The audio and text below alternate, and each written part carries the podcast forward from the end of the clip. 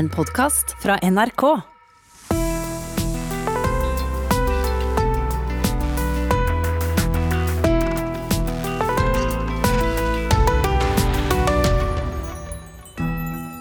Om du har tatt gårsdagens oppvask eller ignorerer tiltagende bananfluesverm over fruktskålen, om du ligger ute i en jolle på fjorden eller foretrekker World of Warcraft inne.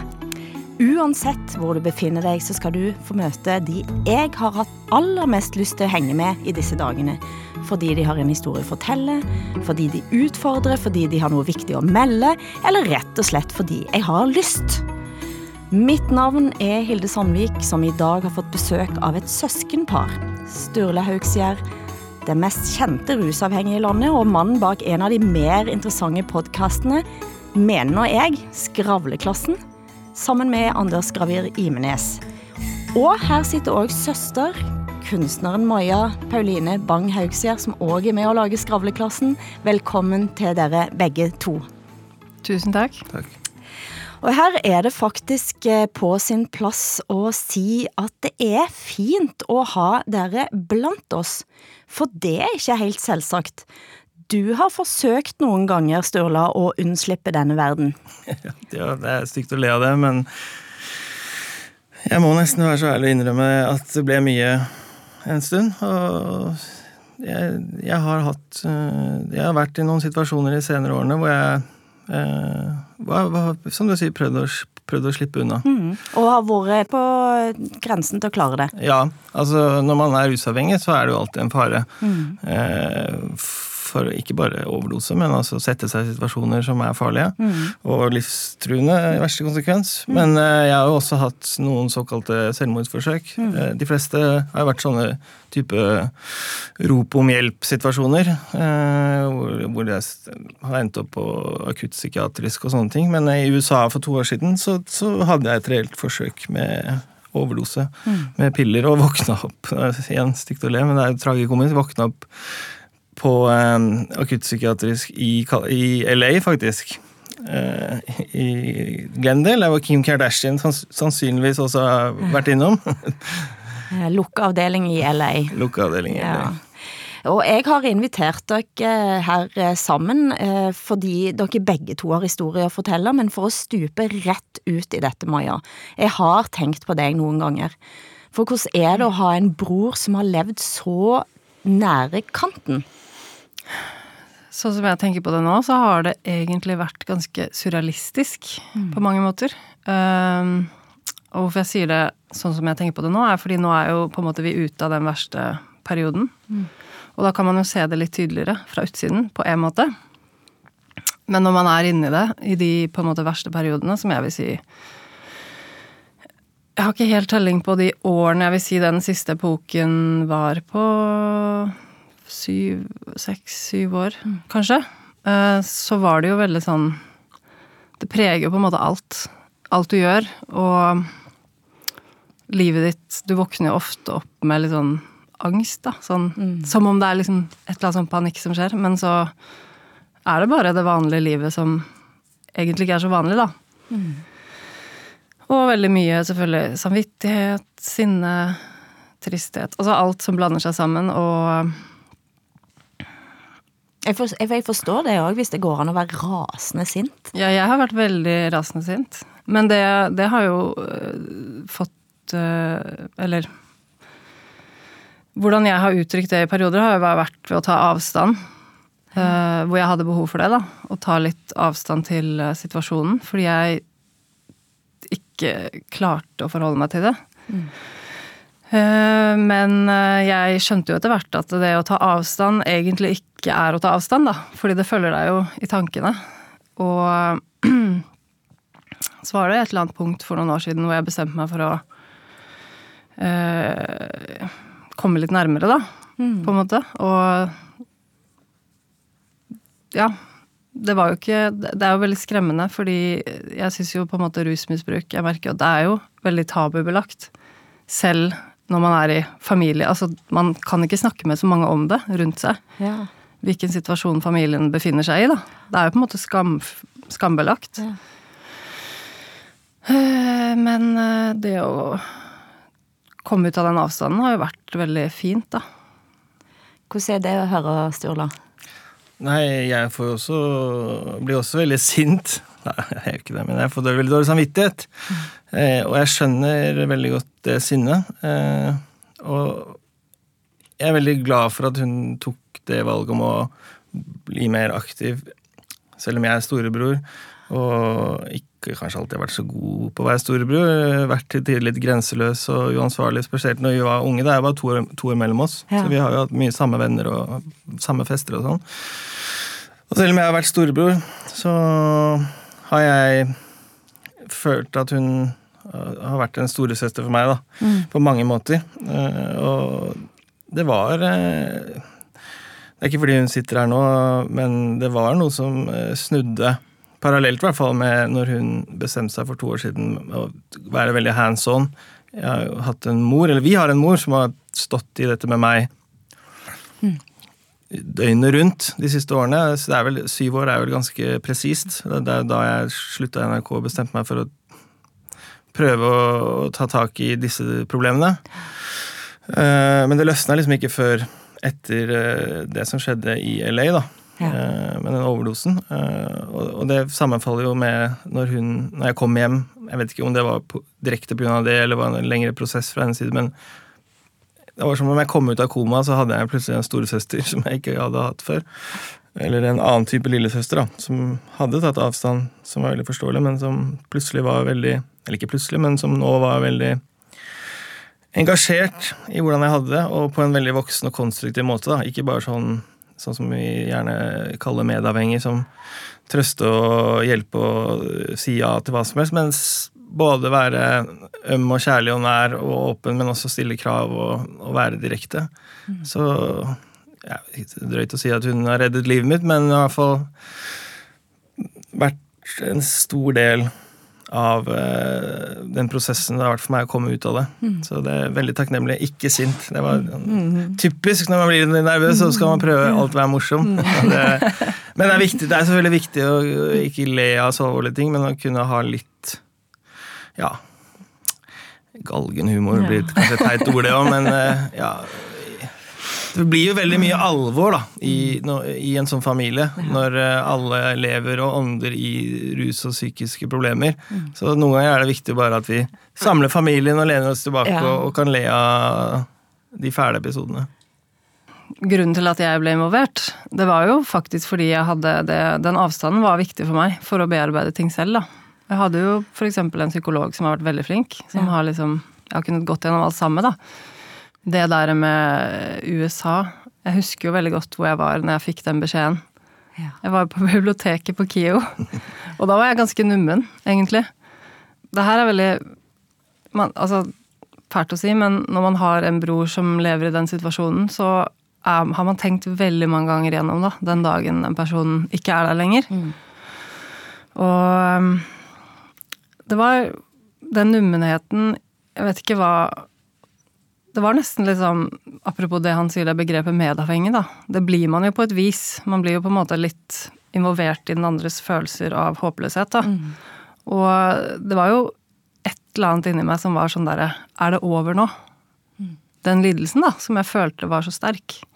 Det var jo ikke noe lettelse, akkurat. Det var bare at det, Du vet det der du har tenkt gjennom i hodet ditt så mange ganger.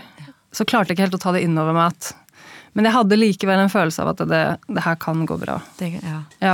Nei, for du har vært tydelig og aktiv og ute eh, i offentligheten med din rusavhengighet lenge, eh, og skulle lage en dokumentar sammen med Espen Thoresen, som endte opp i en radiodokumentar To trøtte typer. Og la oss bare høre introduksjonen der, for det sier noen ting om det livet du har hatt der ute. Ja, jeg sendte deg meldinger, og du svarte ikke. Ja, men jeg satt den her jeg, fra fire til halv fem for å avtale tid. Ja, og i god tid så Han du hører i bakgrunnen heter Sturle Haugsgjerd. Før denne samtalen har vi hengt sammen i noen måneder, men for hver gang vi snakket sammen, gikk det litt dårligere enn sist. Jeg kjente ikke til Sturla før han i fjor begynte å dukke opp i narkorelaterte TV-debatter. Sturla her. hvis jeg sier at eh, kampen mot narkotika er allerede tapt, er du enig i det. Det korte svaret er ja. Eh, Kampen mot narkotika har aldri vært mulig å vinne. Med en holdning som minnet om en musiker etter en lang turné, håndterte han scenevante motdebattanter med en eh, skjødesløs eleganse som rett som det var bikket over til blank arroganse. Narkotika er 51 forskjellige ting. Du må nesten snevre den ned litt. Grann. Ja, han snakket vel både om Men hva snakker du om? Du kan ikke, men du kan ikke si narkotika. Men jeg gleder møtet. Ja. Jeg hadde aldri sett han på fjernsyn før, men den veltalende spradebassen oppførte seg som han hadde vært der hele tiden. Hva var den utløsende faktoren som fikk deg til å legge deg inn den gangen for to år siden og, og søke legehjelp? Mamma. Hun er den viktigste personen i mitt liv. Det må jeg anerkjenne når jeg har sjansen. Mexico, Han hadde holdt tale for FN. as a drug user, I am unwanted, and as an activist, Sturla, du er rusavhengig. Ja. På 90-tallet spilte han Pelle i serien Asylet på Midt i smørøyet. Kanskje pappa vet hvor hun er? Samme spørsmål til deg, Sturla. Nei, jeg, altså, jeg er helt uenig i hennes analyse, for jeg mener at Sturla gjorde inntrykk av å være en eh, prima fyr. 30 av de innsatte i norske fengsler sitter på narkotikadommer, noen veldig veldig lange. For det er traumer i barndommen som leder til de tyngste Men som sagt, hver gang vi snakker sammen, gikk det litt dårligere enn sist. Hvordan går det? Eh, I dag har jeg tatt eh, heroin. La oss hoppe et eh, par måneder tilbake i tid. Vi er på vei til Tyrili. Sturla skal legge seg inn for avvenning og bli kjørt dit av eh, Trine, som er moren hans. Dette var bare litt, eh, Sturla, og ennå så er det veldig mye mer, og den historien der endte med at Espen Thoresen faktisk fulgte etter deg til Thailand. Og det tror jeg, hvis jeg husker rett, så var det samme året som Natt og Dag hadde deg eh, som eh, mulig årets person, og mente at du ga livet håp. Ja, da er det jo sånn at mimer ga mennesket enda mer håp, da. Så derfor vant jeg ikke den prisen.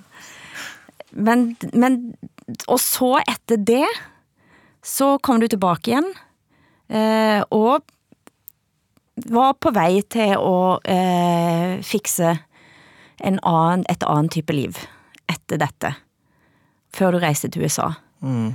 Eh, og jeg har bare lyst til å bare få sette litt i perspektiv av de dalene og oppturene som har vært.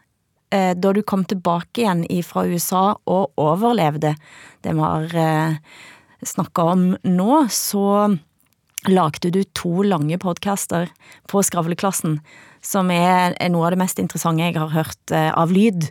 Eh, Lukka avdeling, eller A Confidential. Mm. Og eh, du sitter sammen med Anders Gravir Imenes og eh, snakker, som dere ofte gjør, og krangler nesten litt. Eh, Vi kan høre litt på tonen her, for der utfordrer han deg òg eh, på rusavhengigheten. Jeg syns rusfrihet er et skummelt begrep. da. Det minner meg litt om begrepet narkotika. Det er, en, det er et veldig hvitt dekkende begrep, som også er veldig svart-hvitt. Eh, narkotika, for eksempel, ta det begrepet. Det, det eh, innebærer jo alt fra hasj til heroin, liksom. Og på mange måter så har hasj like lite med heroin å gjøre som en trailer har å gjøre med en blyant. Så narkotika er et, eh, et, eh, et på mange måter meningsløst begrep, og, og til dels et farlig begrep, for det kan misbrukes. Det var vel jeg tror Nils Kristi som, som sa den farligste måten å bruke narkotika på er politisk. Det stiller jeg meg veldig bak. Det høres jo ganske farlig ut, det du holder på med også. Jo, men ikke sant? nå er du nå, nå tar du den rollen som alle behandlere jeg møter, tar. ikke sant? Det er sånn eh, Ja, du Intellektualiseringen din er en unnskyldning, og så og sånn. Og så sier jeg ja, helt klart, jeg ser det, liksom. Men du er ikke villig til å høre mitt perspektiv heller, da. Uh, du er liksom bare interessert i at jeg skal uh, bukke under og si ja, selvfølgelig, nå, nå ser jeg det helt klart. Det virker som liksom alle, Hva- det du- det virker som alle rusbehandlere har lyst til å være den personen i type folk som meg i sitt liv, da. På, fo- folk som meg i sin vei mot det som liksom skal være det viktigste målet, rusfrihet. Være den personen som på en måte endelig får pasienten til å åpne øynene og si at ja, selvfølgelig, jeg har lurt meg selv hele veien. ikke sant? Dette var et Eh, Og nå, jeg vet ikke om du gjør det Men hva er det du føler at jeg ikke lytter til? Nei, altså på sånn rent praktisk var mitt resonnement som du avbrøt.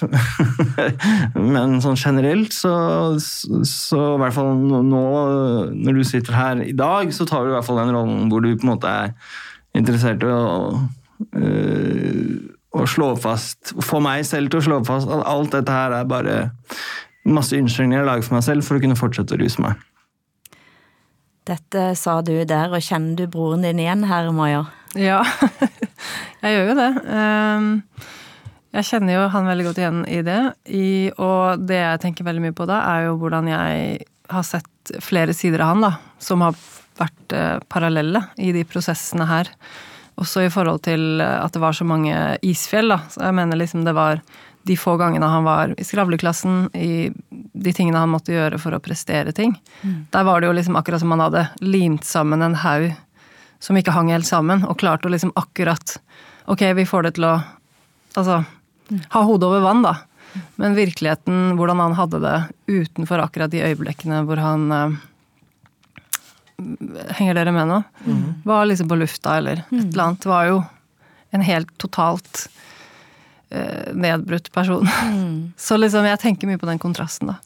Ja, for det høres så suverent ut. Det er jo lett å høre og tenke du har jo alle disse begrepene og alle ordene rundt det, og var det et isfjell, som Maja sier? Ja, det er morsomt at du sier det med begreper og altså det Vi kaller det gjerne institusjonalisert. Eh, folk som har vært veldig mye i behandling. Jeg har ikke syv år av og på. Det er jo en del folk som har vært der mye mye lenger enn meg. og det, Jeg sa vel i en episode, en sånn litt sånn morsom anekdote om den lingoen som en del av de har på Blå Kors jeg var før, da, som kan være liksom veldig rusmiljøs eh, språk, blanda med sånn veldig eh, intellektuelt eh, behandlerspråk, som man gjerne får når man er Det, blir en morsom kombo som er litt karikert, men jeg kan jo sikkert være litt sånn, sånn Fy faen, hun dama var så jævlig dårlig på å mentalisere! så det, det, er et sånn typisk eksempel fra, fra gruppeterapi, for eksempel. Og jeg har vel det i meg, jeg òg, at jeg, jeg, er vel det folk vil regne som en intellektuell, eh, i hvert fall noen. Eller belest, i hvert fall. Eh, selv om jeg ikke har noe sånn Eh, papirer å slå i bordet med, men jeg er også narkoman, da. Eh, så for meg, altså når jeg hører det nå, jeg hører at jeg er rusa og sånn, og det var jo rett etter jeg kom hjem, jeg var langt nede, så jeg hører jo at det blir litt latterlig på en måte, men samtidig så tenker jeg at det er Det er ikke Det er ikke noe falsk ved det. Det altså, det er jeg er, jeg, er, jeg er, både narkoman og intellektuell, da, å sette på spissen. Eh, jeg mener helt klart det jeg sier, men det er samtidig i øyeblikket lager jeg jo unnskyldninger fordi jeg ville ruse meg rent praktisk eh, den dagen eller dagen etterpå.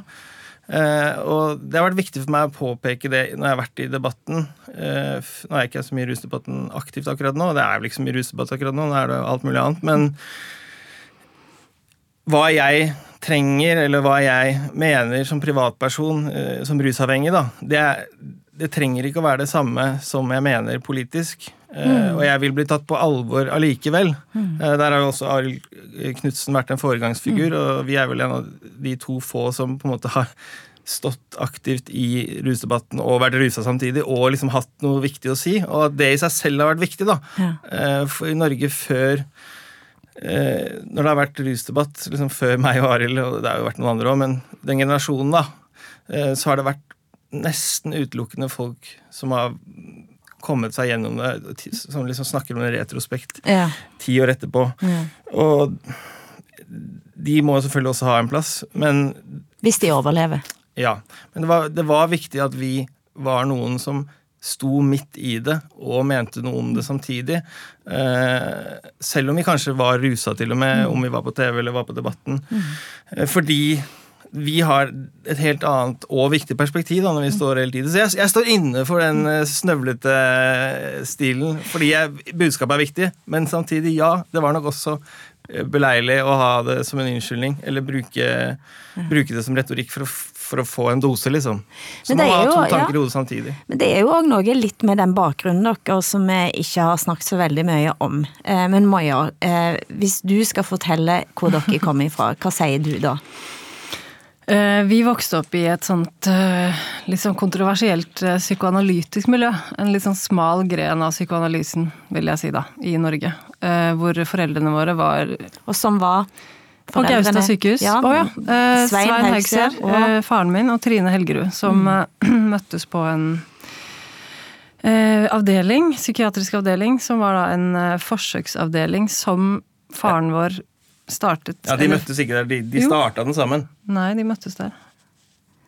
Ok. okay. Dette finner vi ut av senere. Okay, okay, Men eh, uansett. Det var liksom uansett. De levde ånde for den. Det er sånn jeg husker det. Og Kastanjebakken. Kastanjebakken. Det var et prosjekt hvor eh, det ble testet ut rett og slett eh, psykoanalytiske eller kleinianske, eventuelt kan man kanskje si samtaleterapeutiske metoder da, på de dårligste pasientene. Eh, Og det var også et fokus på kanskje å medisinere litt mindre. Og tenke at det faktisk er- nytter å få frem de historiene, da, som også mennesker som er liksom helt utenfor den konsensusmentale mm. tilstand da, som vi, eller vi, eller noen er i. Eh, Så vi løp jo rundt i gangene der. Eller det er jo bare et bilde på det, men det var ikke bare Det var jo flere ting. Seminarer. Det var liksom Ja. Alt var veldig Så det var et slags eh, eksperimentelt, eh, intellektuelt 68-miljø. Ja, det var det. Det ble startet i 1970, Ja. den avdelingen. Mm. Og det var faren min som hadde fått utdelt det som en eh, mulighet da, til å få prøve ut Det var noen sånne metoder som egentlig kom fra England, Ja. som ikke var prøvd i Norge. Han overtok det fra en som heter Endre Uglestad, Ja. som hadde en visjon eh, om å behandle de aller dårligste på en ny og bedre måte, med gruppeterapi, samtaleterapi. Folk som bare en halv generasjon tidligere ville blitt lobotomert i verste fall, og i hvert fall Mm. tungt medisinert. Medisinert, ja. Så ikke bare i Norge var det helt eh, eh, oppsiktsvekkende og pioneraktig virksomhet, men eh, i internasjonal sammenheng også. Bare for å tegne et lite bilde av liksom hva slags eh, folk vi omga oss med. Eh, altså voksenpersoner, da, så, så var jo det alt fra eh, Vi lekte hjemme hos Helge Wold, ikke sant. Eh, Litt morsomt det, i og med at vi har endt opp på hver vår side av debatten, for han var jo den som startet uh, Introduserte LAR, Subutex og sånn i Norge. Ja. Men liksom, han er jo sønnen til Nick Wold, som jeg er veldig opptatt av, som vi kanskje kommer inn på igjen. Og Freddy Reddy, kanskje ikke et kjent navn for alle, det? men det er en indisk, sørafrikansk psykoanalytiker som kom Den første han og Sanele, som også kom på podkasten, Sanele Bakwa, som er moren til Tjave. Ja. Eh, De to var de første, om ikke afrikanske, så i hvert fall de første sørafrikanske, men jeg tror også afrikanske psykoanalytikere i Norge som pappa hang med. Og han, Ja. Freddy Reddy var, og Sanele også er veldig kul, men Freddy Reddy hun kjente vi ikke da jeg var liten, men Freddy Reddy var vi mye sammen. Han, han hadde gått fra Sør-Afrika basically eh, til London og liksom jobba som gatefeier for å få penger til å dra til Norge. altså studere Det er selvfølgelig en eh, komprimert versjon av historien, men en utrolig fargerik eh, og spennende person. Og ikke minst eh, pappas mentor, da, eller liksom veileder, som er for de som kjenner faget, en veldig kjent person. Donald Meltzer, som gikk selv i veiledning hos Melanie Klein, som gikk hos veiledning i, i, hos Sigmund Freud. Og vi bodde i hans uh, feriehus i Italia, i Colomikeri utenfor uh, Firenze, når, var, når jeg var seks og Maja var fire. Eh, Og pappa skrev vel en av disse bøkene som alltid ligger rundt på Blå Kors og sånn, der jeg bor. Uh, Og ha- han var jo en veldig eksentrisk fyr, sånn type sånn Donald Duck-figur. Mad professor med blank isse og så sånn krøllete hår som står ut til begge sider. Professor Meltzer. Ja, og han, For å tegne liksom et bilde av hvordan type miljø det var, eh, så var han en type som eh, Han var veldig veldig respektert, men han, han hadde blant annet et, et motto som at i terapirommet så er det kun sannhet som betyr noe. Altså friskhet er helt underordnet. Sannhet, det er bare sannhet som er viktig. Jeg sier ikke at det var sånn vi ble oppdratt, men Men så, men så, et lite tverrsnitt av de voksenmenneskene som vi omgås med. Blant mange, mange, mange andre.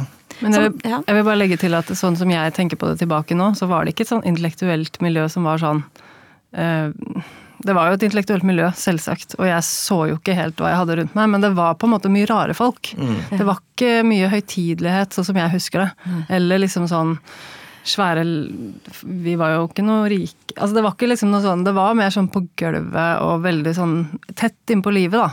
Men du har sagt at eh, Skravleklassen og det dere faktisk holder på med nå, at kanskje du òg har en liten inspirasjon eh, ja. derifra? Jeg tenker jo at vi har en sånn liten flamme, da, som jeg husker fra jeg var liten. Den engasjementet der. Ja.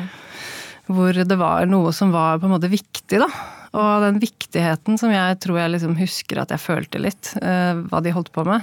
I og med at det handlet om mennesker, da. Det er jo ingenting som er viktigere enn det, på en måte. Um, jeg har jo liksom tenkt at den flammen, den uh, Det er jo et eller annet med skravleklassen også som er litt sånn basert på å få frem de ekte samtalene og sannhet, som jeg tenker uh, dette med samtaler er jo på en måte Gode samtaler. Ja, gode mm. samtaler. Jeg, jeg, jeg, vet ikke om det er et ekte sitat, men uh, igjen, litt som vi snakket om før uh, sending, så var det sånn hvordan, uh, hvordan var det å vokse opp? Så kom jeg ikke på noe akkurat der og da, men det, det, jeg tenkte på, som jeg sa til deg også, at jeg er veldig glad jeg vokste opp i den tiden hvor det ikke var liksom, masse sosiale medier og sånt, for da har man litt mer frihet til å mm dikte opp sin egen barndom, da, på godt og vondt. Ja, for du har, dikt, du har, dikt, du har snakket òg ganske kritisk om din egen barndom. Ja, altså Når det har vært eh, spørsmål om hvorfor jeg ble rusavhengig, og sånn, så har det ikke til å komme unna at mitt verdensbilde er veldig sterkt preget av at jeg ikke tror på fri vilje, i den forstand som folk flest kanskje tror. Altså, er, jeg vet ikke om du skulle spille klipp av det, om, men det er i hvert fall snakket om veldig mye på podkasten som vi lager, da, på Skravleklassen, om at jeg, jeg tror dette med eksternalitet. da, at, eh, Sånn som vi snakket om i stad, Maja for to år siden engasjerte seg i livet mitt. Ja. Eh, jeg, jeg, møtte en veldig flott kjæreste. Ja. Eh, det er veldig ofte jeg har sett, og både når jeg har lest forskning og, og satt meg inn i det sånn type akademisk, men også med egne øyne, folk, andre folk i rusbehandling og sånn, det er veldig sjelden at folk Eller jeg tror aldri, men jeg sier for å være sikker. Det er veldig sjelden folk våkner opp om morgenen og sier til seg å, nå skal jeg bli et bedre menneske, nå skal jeg begynne å jogge, eller nå skal jeg slutte med rus. Men det er veldig mange som tror det er det som skjer med dem selv. Og det er veldig mange som utformer helsepolitikk og som jobber i behandlingsvesenet, som også er med på denne dette ja, feilaktige, mener jeg, narrativet. da. Mens i, i, i sannheten så er det veldig ofte det som skjer rundt deg. altså Miljøforandring, nye mennesker, de som er i livet ditt, tar nye andre grep. Eh, og det, selvfølgelig hvis man er, Den indre Frp-eren min kan si, eh, stritter selvfølgelig imot og sier ja, men har du ingen ansvar for egen oppførsel. det er ikke det jeg sier. Alle har selvfølgelig et ansvar for sin egen oppførsel, men rent filosofisk og til egentlig alle praktiske foremål også, så, så må vi anerkjenne at det er impulsene, de nye og bedre impulsene fra utsiden som gjerne er eh, med på å sette i gang noe som gjør at man klarer å hjelpe seg selv. Ja. Og Grunnen til at jeg liksom er så påståelig med det, er at jeg, jeg vil ha en effektiv eh, rusbehandling i Norge. Da, og en behandling av psykisk syke. og jeg, Alt uh, i og rundt det. Og da, da, tror jeg det er viktig å anerkjenne så så Man kan vri det til at han sier ja, du skylder bare på foreldrene dine, men det er ikke det jeg gjør. for jeg, det er jo besteforeldrene mine sin feil at foreldrene mine er sånn. og det er oldeforeldrene, altså Man kan fortsette sånn uendelig. Poenget mitt, det som jeg prøver å få igjennom, er at det, det må ting til mm. på utsiden. Det må skje noe. Det andre mennesker mm. eh, må eh, komme inn i livet ditt med, med en eller annen inspirerende handling, eller mm. flere, for at ting skal forandre seg. Og ikke før vi anerkjenner det, tror jeg vi vil virkelig klare å ha en effektiv rusbehandling. For dette diskuterte jo vi på vei ned, når Sulla snakket hull i hodet på meg, og jeg diskuterte litt tilbake. Og dette er jo sånn punkt vi diskuterer innimellom, og vi har litt sånn forskjellig syn på det. Egentlig så tror jeg ikke vi har det. Men eh, det jeg tenker er at det er forskjell på å se hvor ting kommer ifra, mm. enn å skylde på andre. Og det er også annerledes å på en måte eller hva skal jeg si, det vil på en måte til syvende og sist den der selvhjelpsgreia med at det er bare du som kan hjelpe deg selv. Mm. Altså, jeg tror det er absolutt ytre impulser uh, som er positive, og på en måte det å gi et rom til de som er dårlige. Mm. Altså sånn å ikke skyve det vekk, da. Mm. Men jeg er litt på den, og der, det pusher jeg litt på Stulla òg, At man må på en måte vite da, at det er faktisk du som kan endre deg mest.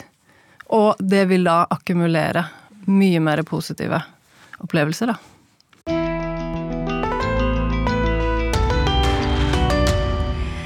Du hører på Sammen med Sandvik, og jeg sitter her sammen med Sturle Haugsgjerd og søster Maja Pauline Bang Haugsgjerd.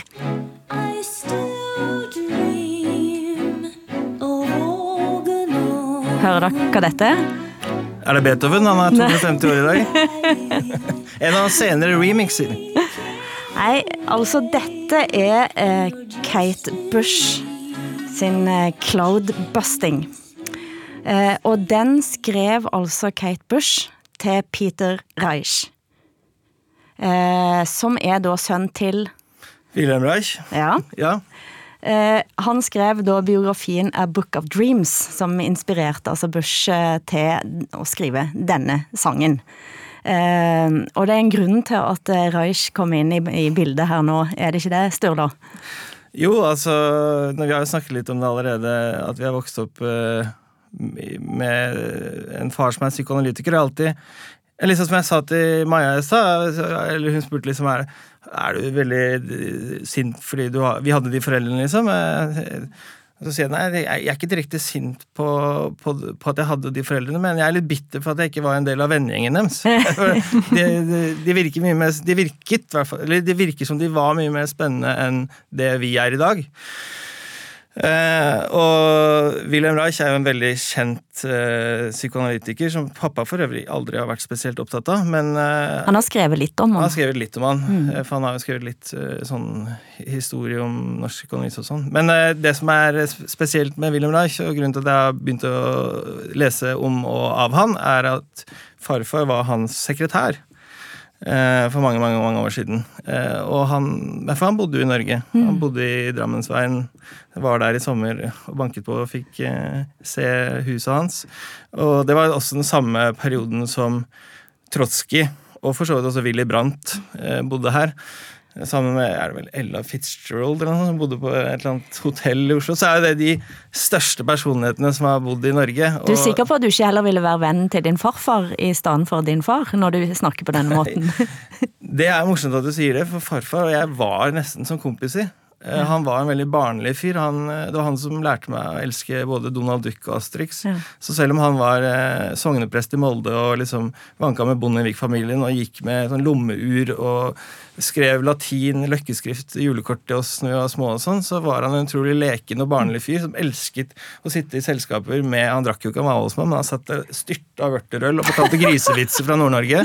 Også veldig mye kirkevitser. kirkevitser han, jo, han, sånn. hadde veldig mye svart humor på det prestegreiene sine. Ja, ja. Eh, så, så, han var jo Og, og apropos Donald Morsom anekdote, eller Den eneste anekdoten jeg har hørt om farfars farfar sitt forhold til William Reich, var at han eh, når farfar var sekretær og satt og noterte, så gikk eh, William Reif rundt i rommet med sånn bukseseler som han strakk ut sånn. er det radio, kan ikke se, men har du, du vet, så, ja, sans, Donald, ja, ja. Sånne intellektuelle i Donald ja. de går alltid med bukseseler. Og strekker så, seg. De sånn, så det bildet jeg fikk tegnet av Reich via farfar sin sekretærjobb, gjorde at jeg bare måtte finne ut av hvem denne fyren var.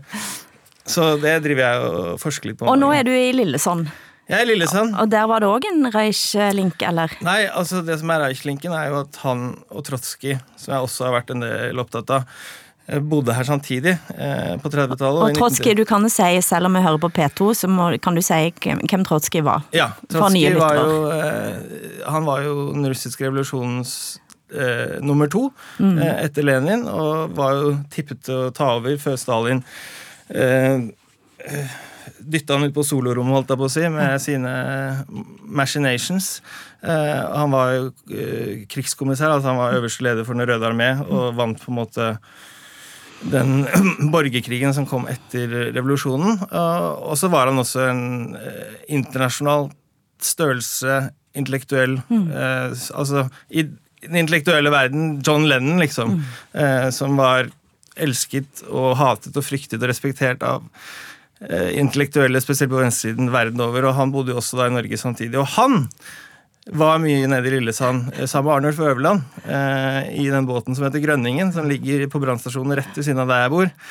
Og de var ute der, for han bodde i Stangenesholmen, som er en liten holme utenfor eh, Kristiansand, eh, hvor han eh, samlet alle sine venner sine i Norge. Nick Wold, blant annet, ja. som jeg snakket med, ja. så var moren til Helge Wold. Ja.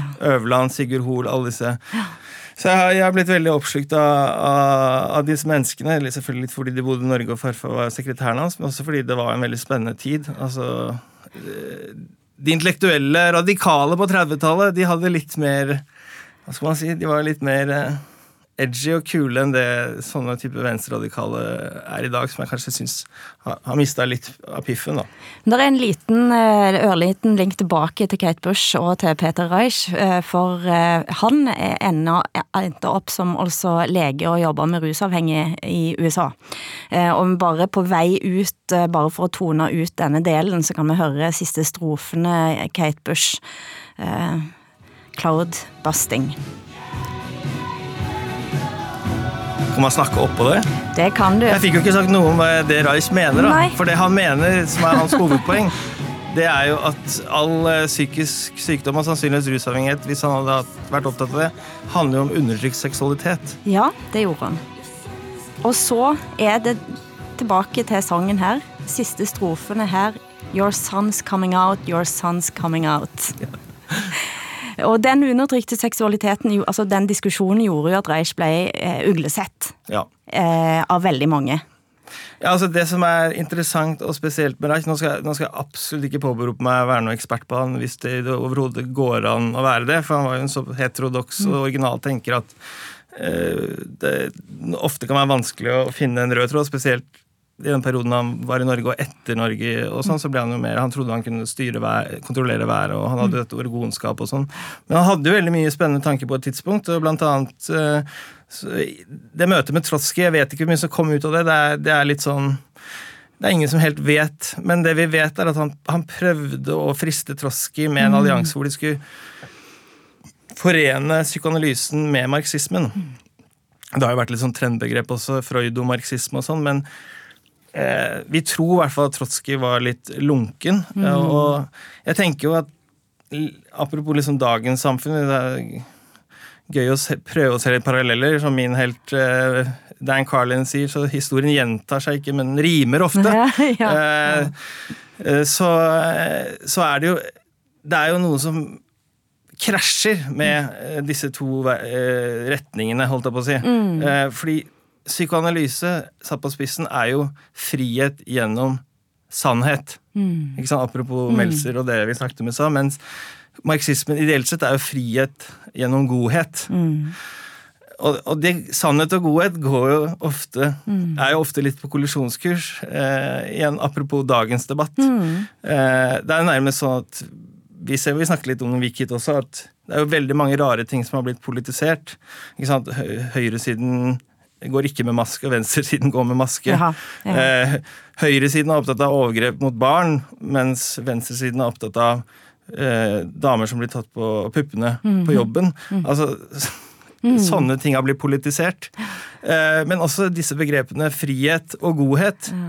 Eh, det har liksom blitt pa, eh, partipolitikk, da, eller i hvert fall høyre-venstre-politisk eh, polarisert. Og det er, det er- jo helt absurd eh, at liksom høyresiden nå påberoper seg at vi, er, vi, vi heier på frihet, mens venstresiden påberoper seg å si at vi heier på godhet.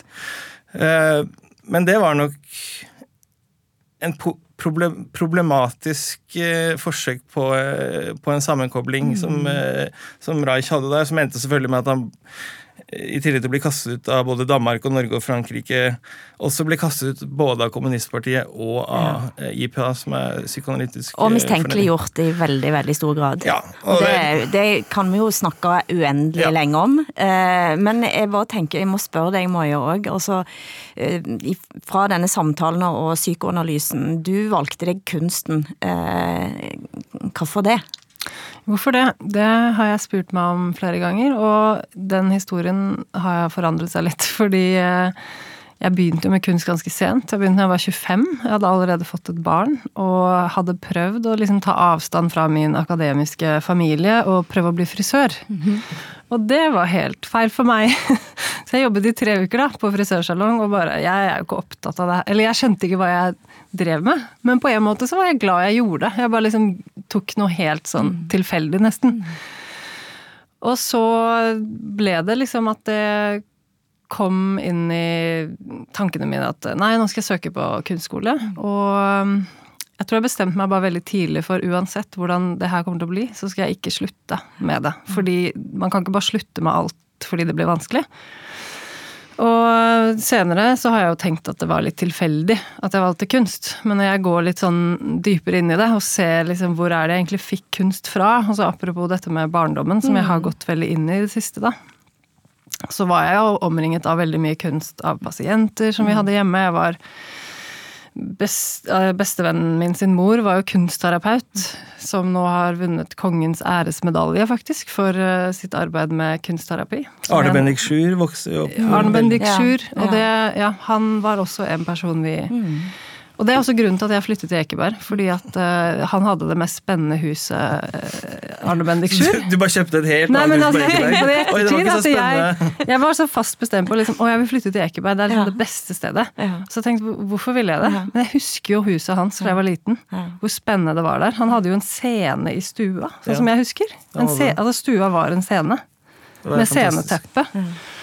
Og mange Så- spennende skuespillere på, med vinglass i hånda utpå kvelden der. Ja, Altså, jeg- ja, ja, ja, ja, ja. Jeg tror bare jeg har vært litt blind jeg, for min egen historie. For det har vært så mye kaos i vår eh, senere oppvekst. At jeg har vært litt sånn blind for det. Og så tenker jeg jo nå at eh, kunst er veldig naturlig for meg. På mange måter. Eh, Selv om jeg syns jo også det å komme inn i kunstverden og også blir litt skuffet da, over kunstverden, rett og slett. Nei, for det er jo noe der, da. Vi har jo snakka litt, grann, uten å snakke direkte om det, så har vi snakka litt om debattkultur og det politiske klimaet og, og så videre. Eh, og for å spore oss inn på dette eh, temaet som vi skal snakke om nå, hvis vi har i mente sosiale medier og eh, debattkultur, så hører vi altså her et lite klipp ifra Asylet 1996, der Sturla Haugsgjerd spiller Pelle. Hør her. Hva gjør du egentlig her? Prøver å pelle. Kan jeg få se på dere? Nei. Så klart.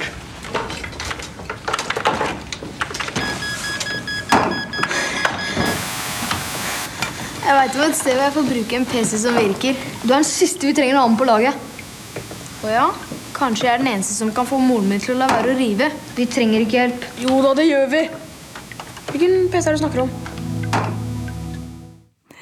Dette var et klipp fra 1996, eh, den store PC-en som vi hører står og piper og, og scratcher, men dette er starten på en helt ny æra. Eh, Ja, dette var jo, dette var jo start Dette var sånn Silicon Valley starta. Det Ja. var jo liksom ungdomsavdelingen i NRK. ja, I et sånn, en grotte på Søndre Nordstrand, hvor vi spilte inn. Tilfeldig snubla over eh, Nei da. Det var, jo, det var jo ikke noe internett på de maskinene der. Eh, Så jeg, jeg vet ikke hva jeg tenkte når jeg var der, jeg visste ikke hva internett var, selvfølgelig, men i ettertid så har jeg liksom tenkt på hva i all verden er det man kan få gjort med, som sånne ungdomsdetektiver med en PC som ikke er Altså uten internett. Det er, det er veldig lite man får gjort, egentlig. Men tydeligvis, med litt kreativ skriving fra Aksel Elstenius og disse andre, så kan man eh, knuse eh, pakistanske narkotikabander og stoppe nazister og miljøterrorister med en, en sånn PC, så lenge man sitter i en grotte og har Eh, capsen bakfrem. det er nettopp det. Og så er det sånn at eh, spol noen år fram, så er det ikke så lenge til du skal intervjue eh, Tonje eh, Skei eh, til Tonje Hesten Skei til Skravleklassen. Eh, om her kan vi høre et lite klipp fra Sommer i P2 med Tonje Skei. De siste 15 årene har jeg utforska det eksplosive forholdet vi mennesker har til teknologi gjennom filmene mine. Jeg kommer fra en av de siste generasjonene som husker livet før internett.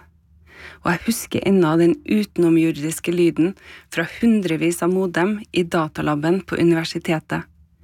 Og jeg kommer aldri til å glemme den første e-mailen jeg fikk, som faktisk var en pornospam massemail eller den første tekstmeldinga mi. Hello, this is a test.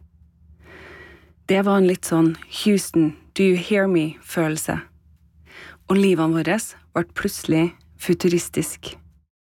Og Tonje har altså regissert eh, filmen I Human, eh, som tar for seg eh, hvordan eh, vi lever i en verden der vi egentlig ikke har kontroll. Snakk om fri vilje. Vi har ikke mye fri vilje igjen eh, når vi blir styrt av algoritmer og diverse sosiale medier. Du er fremdeles på sosiale medier, Maja. Jeg? Ja. Jeg er ikke så veldig glad i sosiale medier, da. Men jeg har nesten følelsen at jeg må være der mer, fordi jeg er Mm. kunstner. Du vet, du må ha Instagram og Men jeg er veldig sånn som elsker å bare slette den appen i lange perioder. Og du har sletta appen du, Sturla? Ja, eh, deaktivert og sletta alt jeg kan. Eh, Det er noe av det som jeg ikke altså Det er jo noe av det sykeste. Du, du, du, er nesten umulig å slette det. Altså Mm. Instagram skjønte jeg ikke. Jeg fikk det ikke til. Så det er vel eh, grunnen til det. Men jeg har i hvert fall slutta å bruke det. Ja, og det er en grunn til det. Ja, altså jeg har jo Jeg sa vel det også på en av de podkastene, at jeg syns det er nesten mer skamfullt å snakke om at jeg var likes-avhengig enn at jeg var heroinavhengig. Uh, og det er igjen satt på spissen, men jeg Vi har vel snakka om det, vi to, Maja, også, og jeg igjen nevnt det på podkasten. Men uh, jeg tror litt på at vi nå går i en ikke så veldig fjern framtid hvor uh, avhengighet av disse mediene uh, blir tatt like alvorlig som avhengighet av, av de stoffene jeg har vært avhengig av. Mm. Og når jeg innså det via eh, personlige opplevelser, men også fordi jeg har satt meg en del inn i det, og har noen venner både i Norge og utlandet som har satt seg veldig inn i det eh, når jeg, når jeg skjønte hvor skadelig dette var, i hvert fall for meg, da, men også vil jeg si for hele samfunnet og, og debatten, så, så kutta jeg det ut på dagen. Og jeg må, jeg må innrømme at jeg har fått det bedre. Mm. Det er selvfølgelig litt sånn fomo, eh, men, men Fear of missing out, of som missing det heter Men det er litt eh, appellen og det grusomme ved spesielt Facebook og disse mest avhengighetsskapende sosiale mediene, at det er en sånn, du er i en sånn konstant limbo mellom FOMO og en, en livreddhet for å logge på og se at noen sier noe stygt om deg, Mm. og kanskje noen du ikke kjenner i det hele tatt. Og det var litt apropos det vi snakket om med Raich og sånn i stad. Eh, Jeg har vært litt opptatt av et begrep som har dukket opp i flere av de bøkene jeg har lest, eh, enten av Mao eller Reich. Og det var denne gamle psykiske lidelsen som heter eh, nevrastani, som ikke eh, er en del av DSM lenger. Men symptomene er veldig gjenkjennelige. Det er jo mye av de samme symptomene jeg har hatt og mange andre. Og når du går til legen, at det er ikke noe galt med deg. Du er bare det er psykosomatisk, liksom. Er, du klør, og du mister potensen. Du har angst, du får ikke sove, du svetter. Alle disse tingene som, hvor man får høre at man kanskje har ubalanse i tarmfloraen eller ME, eller Sannsynligvis får du høre at det ikke er noe galt i det hele tatt. Det var eh, et veldig stort problem før i tiden. Og det er, det er tre i hvert fall ut ut ifra det jeg har kommet over, så var det tre områder hvor, hvor det gjorde seg utslag. Det ene var jo psykoanalytikeren som snakket om det. Når du er seksuelt frustrert, altså ergo ikke fikk deg noe, eh, som jeg vil da kanskje kalle ensomhet. Det andre var eh, i type Afrika og Papua Ny-Guinea, Sør-Amerika, når eh, kol altså kolonimaktene kom med sine blinkende lys og påhengsmotorer, og liksom de, de lokale som var vant til å leve nærmere naturen, fikk alle disse symptomene helt ut av det blå. Og det tredje stedet, eh, det var under Mao i Kina, kulturrevolusjonen, hvor det var en sånn total paranoia politisk hele tiden. En, sikkert Øst-Tyskland også, med sånn livreddhet for at naboen skulle eh, gå ut og si at du var en klassefiende eller en kapitalist eller en kakerlakk. Ja. Og, og, og det igjen eh, tenker jeg, Det er veldig mye av de samme tingene som gjør at folk jeg tror folk får disse symptomene igjen i dag. da. Det er ensomhet, og så er det det politiske livet som alle åndrer og lever hele tiden nå. Mm.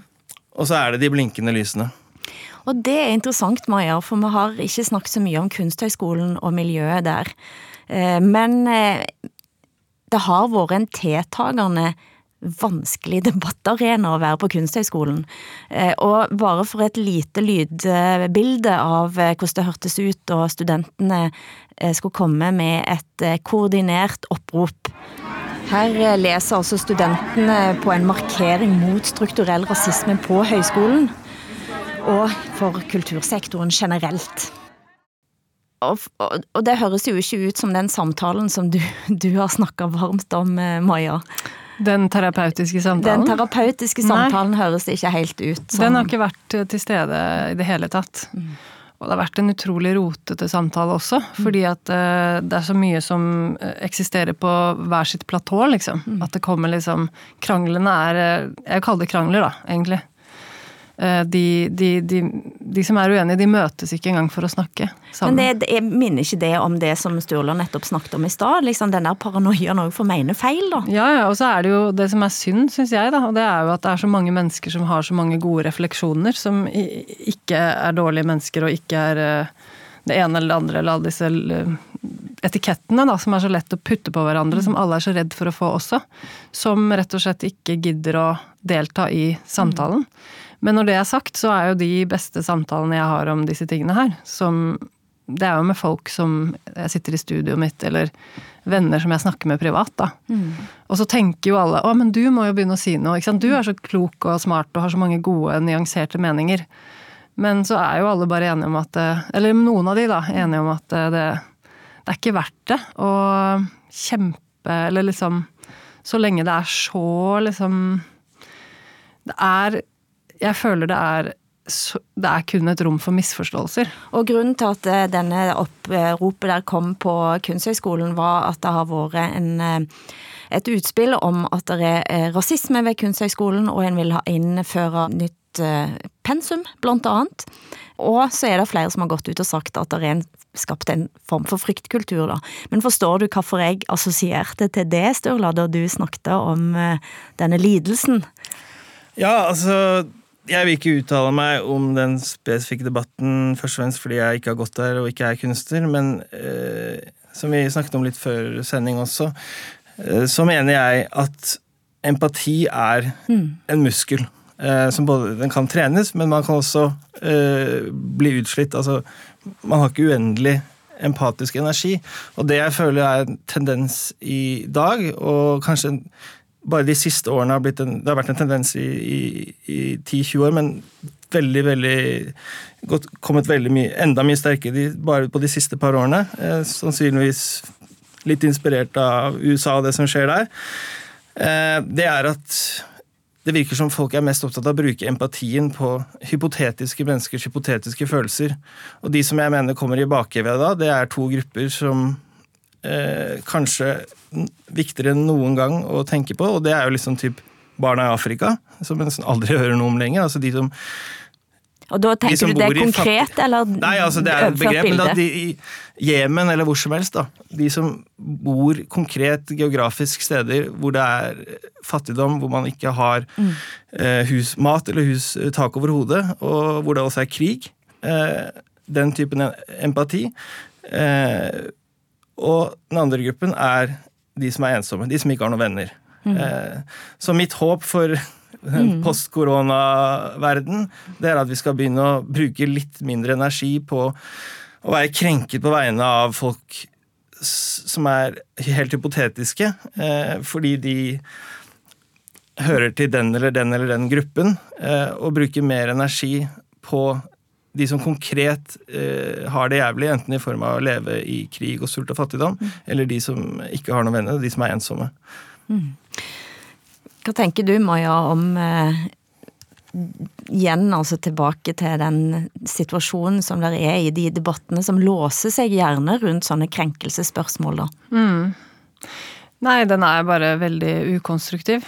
Og jeg tenker jo at eh, Jeg har liksom tenkt at det kommer til å gå litt tid før eh, kanskje disse forsonende forsonende samtalene vil komme, da.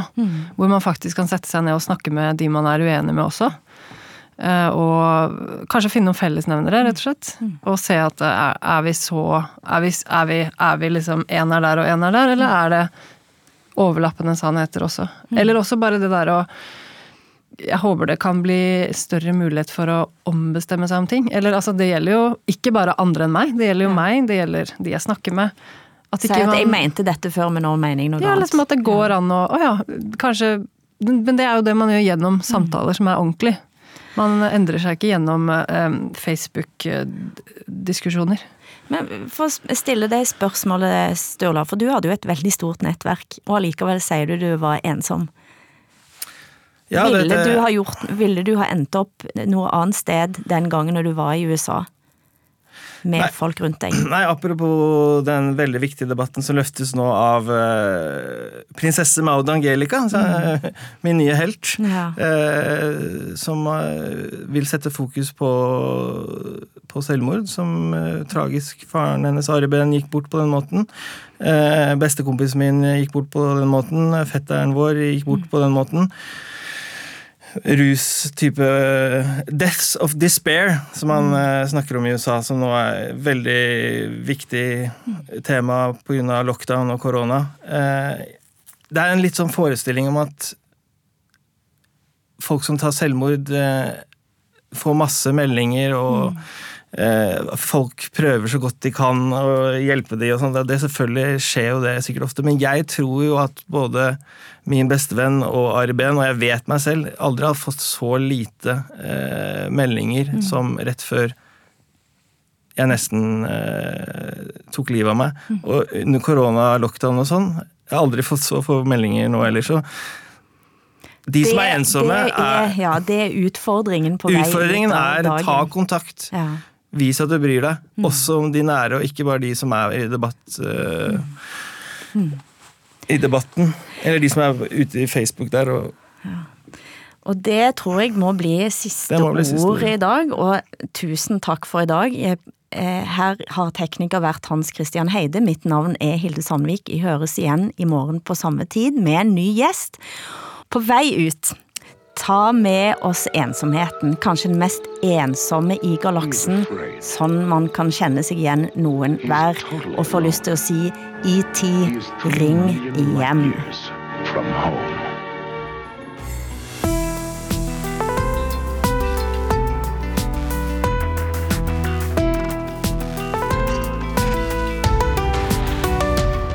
Du har hørt en podkast fra NRK. Hør flere podkaster og din NRK-kanal i appen NRK Radio.